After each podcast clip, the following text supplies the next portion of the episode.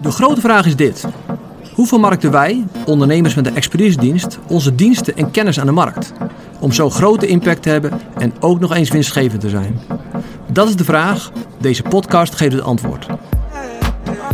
Mijn naam is Dirk Teveling en welkom bij de Expertise Marketing Podcast.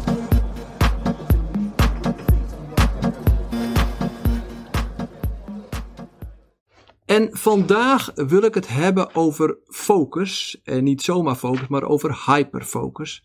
Uh, en wat de relatie is tussen hyperfocus en de groei van je bedrijf. Ik geloof namelijk dat uh, daar een heel groot verband tussen zit.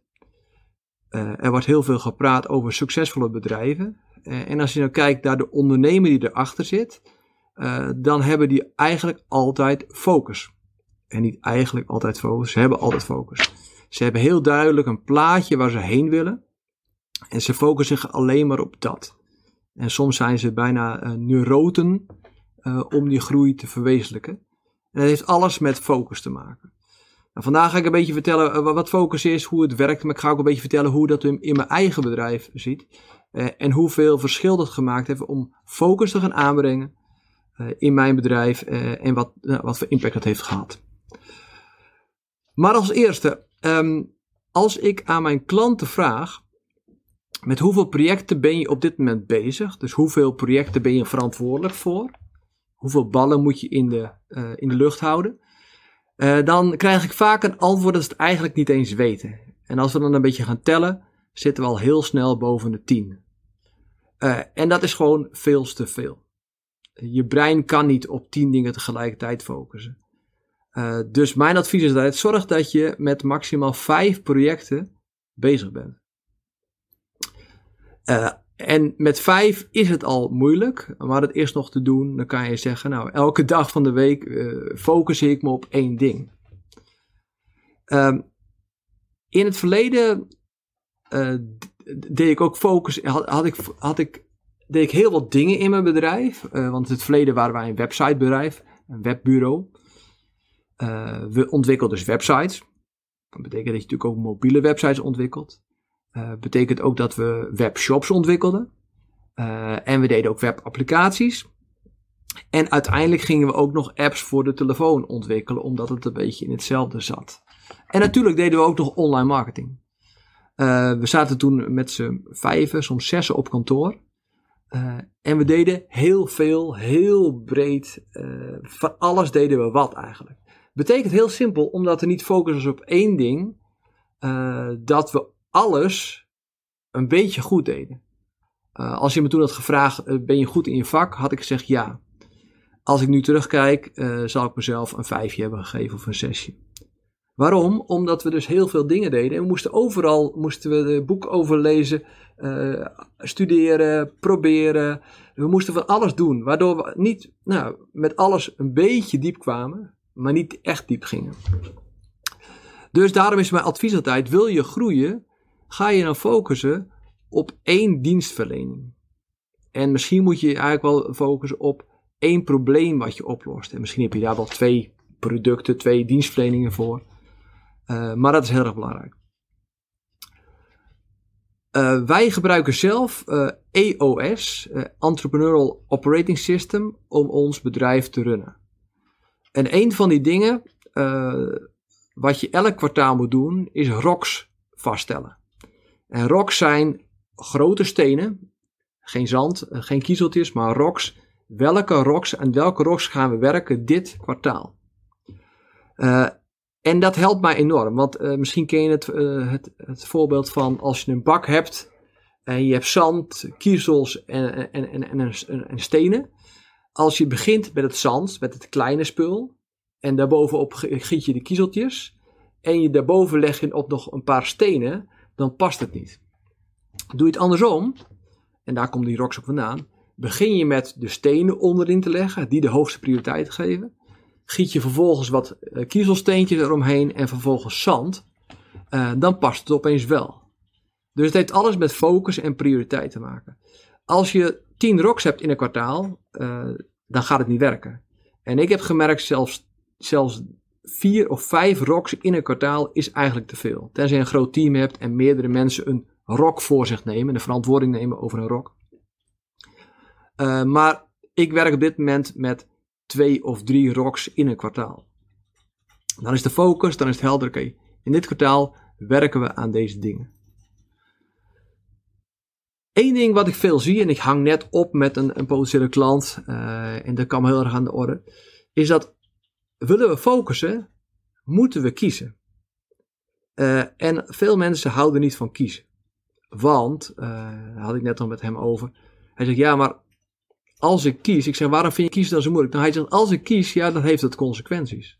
Ik zeg, ja, dat klopt. Ik zeg, nou, hij had de keuze te maken of hij een SaaS-product ging uh, leveren of meer uh, custom-made uh, expertise diensten, consultancy.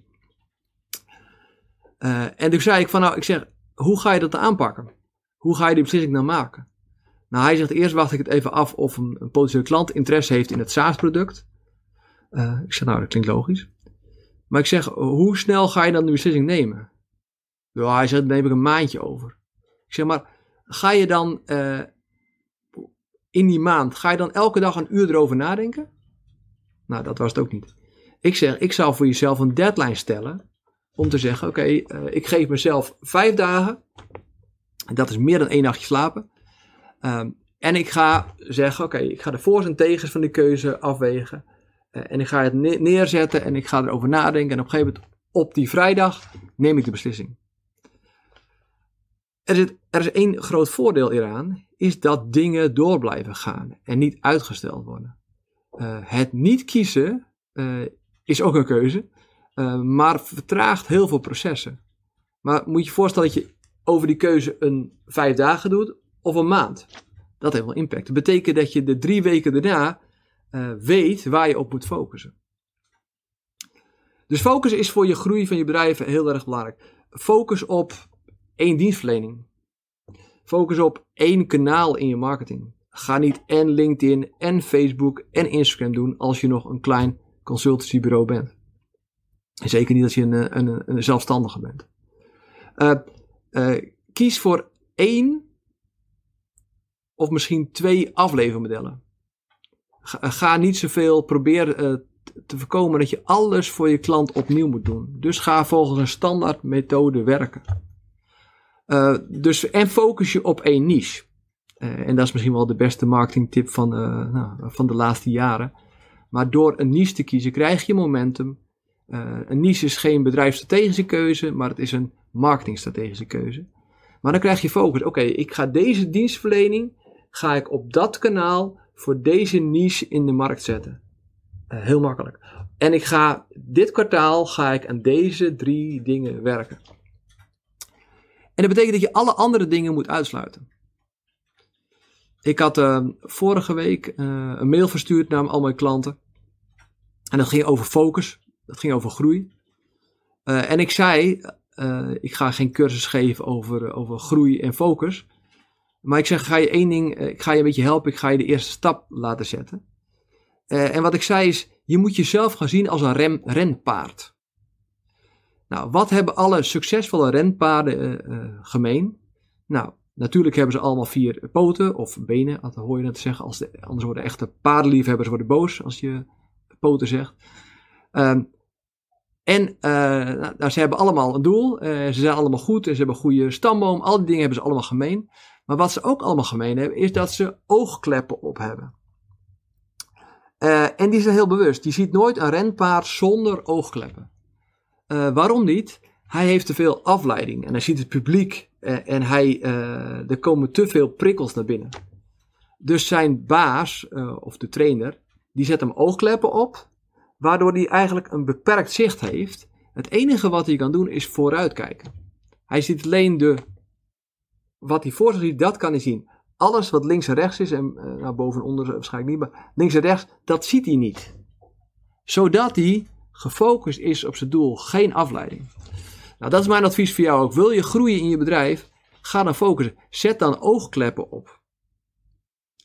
En laat al die andere dingen vergeten. Dus, uh, en dan zeg ik focus op drie dingen. Om het even algemeen te houden, dus voor elk bedrijf toepasbaar. Focus op marketing. Dat is klanten aantrekken. Focus op sales. Dat zijn die klanten, potentiële klanten, omzetten naar betalende klanten. En focus op delivery.